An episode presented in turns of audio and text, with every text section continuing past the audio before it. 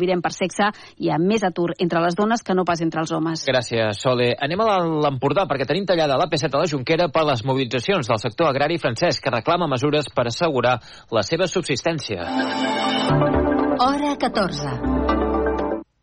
Busques feina? Et donem la solució. Coneix i consulta l'empresa GCT Plus, l'empresa de treball temporal que es posa a la teva disposició per ajudar-te. Et donaran resposta immediata a les teves necessitats laborals amb oficines arreu del territori català. Deixa'ns ajudar-te i vine a la més propera, a Manresa, Igualada o Berga. Consulta la web gctplus.com.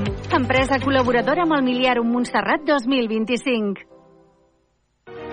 Els i les comuns han tingut un paper molt important a l'hora de desjudicialitzar la política. Per parlar sobre amnistia i el nou escenari que significa per Catalunya, organitzen un cicle de debats arreu del país i aquest divendres 26 de gener a les 7 de la tarda tindrà lloc una sessió a Manresa a l'espai Òmnium amb la presència de Jaume Asens i Jessica Albiach. L'acte estarà moderat pel periodista de Regió 7, Enric Badia. Ens agradarà molt comptar amb la teva presència. T'hi esperem.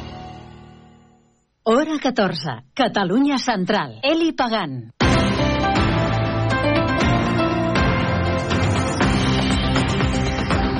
Hola, què tal? Molt bon migdia. Passen 21 minuts de les dues, hora 14. Tenim sol, tenim hores d'ara, 17 graus i mig de temperatura al centre de Manresa, Sant Domènec.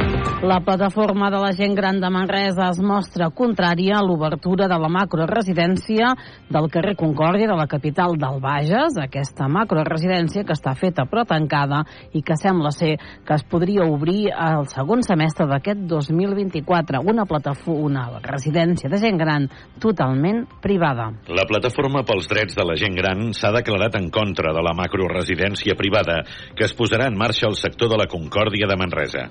Una residència residència de 195 places, valorada en uns 15 milions d'euros, que l'Ajuntament va anunciar en el darrer ple que es desencallarà després que l'equipament, nou de trinca, quedés aturat fa un temps a causa de la fallida de la multinacional Orpea. Per a Víctor Feliu, responsable de la plataforma pels drets de la gent gran de Manresa, el millor és la residència pública que ja fa temps que reivindiquen pel barri del Xup i no aquesta macroinstal·lació privada. Sí, nosaltres som contraris amb aquestes macroresidències perquè, a més a més, amb les reunions que hem tingut amb la Generalitat i també l'Ajuntament, sempre som partidaris de que aquestes residències com a màxim han d'acollir a 100 persones per tal que la relació i el tracte sigui més humà. I a part d'això també la Generalitat està en un projecte que en diuen unitats de convivència. Unitats de convivència, que aquest és el projecte que nosaltres sempre hem discutit amb l'Ajuntament quan parlem de la residència pública al barri del Xup. La plataforma va presentar dijous passat una moció al ple de l'Ajuntament on demanaven que es desencallés el tema del projecte de la residència del Xup, feta amb unitats de convivència, tenint en compte que ja es disposa de l'espai però la plataforma tem que s'hagi pactat no fer la pública per ajudar a tirar endavant la privada. Això és el que ens preocupa. Evidentment, nosaltres venim habitualment per aquí i mai havíem vist que hi hagués llum. És a dir, que aquesta residència també ja fa un parell d'anys que està eh, acabada i mai hi havia hagut moviment. I ara ens sorprèn doncs, que hi hagi llum, que hi hagi moviment. D'alguna manera ve a confirmar el que la regidora de gent gran, el ple municipal, va informar de que es desencallaria doncs, aquesta residència. Nosaltres estem totalment en contra, per descomptat, perquè si la Generalitat està en contra de les macroresidències i a més a més legisla perquè siguin com a màxim per a 100 persones, evidentment entenem que no els hi pot donar que no els hi pot donar doncs, la llicència d'obertura per aquest servei. De fet, coincidint amb l'anunci que va fer l'equip de govern de Manresa, aquesta residència, que ha estat dos anys abandonada, ara sembla que s'hi comencen a moure les coses. Aquest passat dijous, la Junta General d'Aigües de Manresa ha acordat per unanimitat l'adhesió al Pacte Social de l'Aigua. L'objectiu del pacte és defensar la gestió pública, la transparència del servei i la implicació de la ciutadania. La situació actual de sequera i el context de canvi climàtic en què ens trobem ha promogut doncs la signatura d'aquest Pacte Social de l'Aigua entre els ajuntaments i entitats públiques accionistes d'aigües de Manresa. Aquest pacte, promogut per l'empresa pública, busca l'assoliment de cinc objectius. L'excel·lència tècnica, treballar amb la garantia de qualitat, qualitat i de servei, el compromís social, garantir el dret a l'aigua i contribuir a l'educació i a la divulgació, participació ciutadana, garantir la transparència informativa, involucrar la comunitat en la presa de decisions, assegurant que les seves veus siguin escoltades, també la responsabilitat ambiental garantint l'ús eficient de l'aigua, establint pràctiques que preservin aquest element i també l'equilibri econòmic.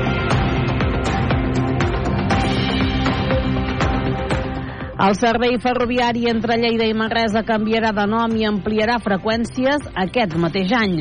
Així es va anunciar durant la presentació de l'ampliació de freqüències de tren entre Lleida i Cervera que arribarà a 10 a partir del 5 de febrer. L'operació anirà acompanyada d'una estructuració d'horaris per millorar la coordinació de línies i l'intercanvi amb altres trens i al llarg del segon trimestre de l'any la duplicitat també arribarà fins a Manresa i s'arribarà a 5 serveis diaris. Els serveis superaran amb dues unitats 447 i Renfe preveu incrementar la plantilla amb almenys 6 nous maquinistes. El desplegament costarà 2,4 milions d'euros anuals i el Departament de Territori integrarà a partir del dilluns 29 de gener, dilluns vinent, els desplaçaments en transport públic de les comarques de l'Alt Pirineu i Aran i el Solsonès al sistema tarifari de l'Autoritat Territorial de la Mobilitat de Lleida. Aquesta integració suposa la creació de la zona 3, formada pel Pallar Jussà, l'Alt Urgell i el Solsonès, i el de la zona 4, formada per l'Alta Ribagorça, el Pallar Sobirà, l'Aran i la Cerdanya. En un comunicat, el departament explica que el cost d'aquesta integració tarifària se situa al voltant dels 800.000 euros anuals que porta Territori i l'Institut per al Desenvolupament i la Promoció de l'Alt Pirineu i l'Aran. Dilluns comencen els treballs de pavimentació a l'accés de la cova del camí de la cova de Sant Ignasi. Durant l'actuació es tallarà el camí de la cova entre el carrer Sant Marc i l'accés al centre espiritual de la cova. L'accés i sortida de vehicles de menys de 3 eh, i mig tones de veïns i el santuari i el centre espiritual de la cova es farà des del carrer Nou de Santa Clara. El conseller Manel Balcells inaugurarà dilluns vinent el nou servei d'urgències i la base del SEM al Berguedà. El titular de Salut, doncs, visitarà i presidirà la inauguració d'aquests nous serveis de l'Hospital de Berga. Les noves urgències i la base del SEM estan ubicades a la quarta planta de l'edifici nou de l'Hospital de Berga i s'hi accedeix per un vial independent que han arranjat, que ha arranjat el propi Ajuntament. I ahir, la Copa Cangur a Manresa. 224 estudiants de secundària van competir aquest dijous a Manresa per la desena Copa Cangur de Matemàtiques. Dividits en 32 equips, formats per 7 estudiants de secundària, cada grup, es van trobar al Museu de l'Aigua i el Tèxtil de Manresa en la primera fase de la desena Copa Cangur, un concurs organitzat per la Societat Catalana de Matemàtiques i adreçat als alumnes d'ESO. Eh, molt bé, molt entretinguda i a sobre com l'hem guanyat teníem un, un bon equip, ens compenetraven bé i jo crec que m'ha agradat molt l'experiència. Eh, bueno, hi havia exercicis molt difícils com el 9 i el 12 que al final ens hi hem, ens hi hem hagut de, de ficar tots i doncs ja al final pel 9 hem trobat la solució i jo crec que ha sigut el que ens ha donat la victòria. Doncs ara ens anem pels esports. No serà un partit fàcil el que enfrontarà el Baxi Manresa davant el Breogan a partir de tres quarts de nou del vespre de dissabte al Congost i que correspon a la Lliga ACB de bàsquetbol. El Baxi Manresa lluita per estar a la part alta de la classificació, mentre que el Breogan ho fa per no baixar, cosa que encara que pugui semblar contradictòria, en realitat el fa un equip més perillós. El partit el podreu seguir en directe a la sintonia de Ràdio Manresa. En Lliga EVA de bàsquet, aquest dissabte el Navàs rep la visita del Ciutat d'Inca a dos quarts de sis de la tarda. En Supercopa, el Manresa B es desplaça a la pista de l'Olesa i en Copa Catalunya, el grup Via Artés jugarà diumenge davant el Ciutat Vella, mentre que el Vila Torrada torna a jugar a Sant Joan davant el Maristes de Mar a partir de les 8 del vespre. El Manresa Bàsquet Femení de Supercopa jugarà diumenge a les 6 de la tarda al Congost davant el Vilanova Saf, amb la intenció de seguir ocupant com a mínim el segon lloc de la taula classificatòria. En futbol, el Centre d'Esports Manresa torna a tenir sortida. Viatjarà fins a Eivissa per jugar diumenge al migdia davant el Penya Deportiva amb l'obligació de sumar per evitar zona de descens. En primera catalana, el Joanenc rep el Sant Cugat dissabte a les 4 de la tarda en partit molt important per al Joanenc per intentar sortir de la zona de descens, mentre que la Pirinaica jugarà diumenge al camp del Martinenc. En futbol sala, el Covisa Manresa rep el Cué València al Pujolet el dissabte a les 6 de la tarda. Els de Cachinero volen continuar ocupant com a mínim el segon lloc de la taula classificatòria de la segona divisió B. Dos de tres, molt bona tarda.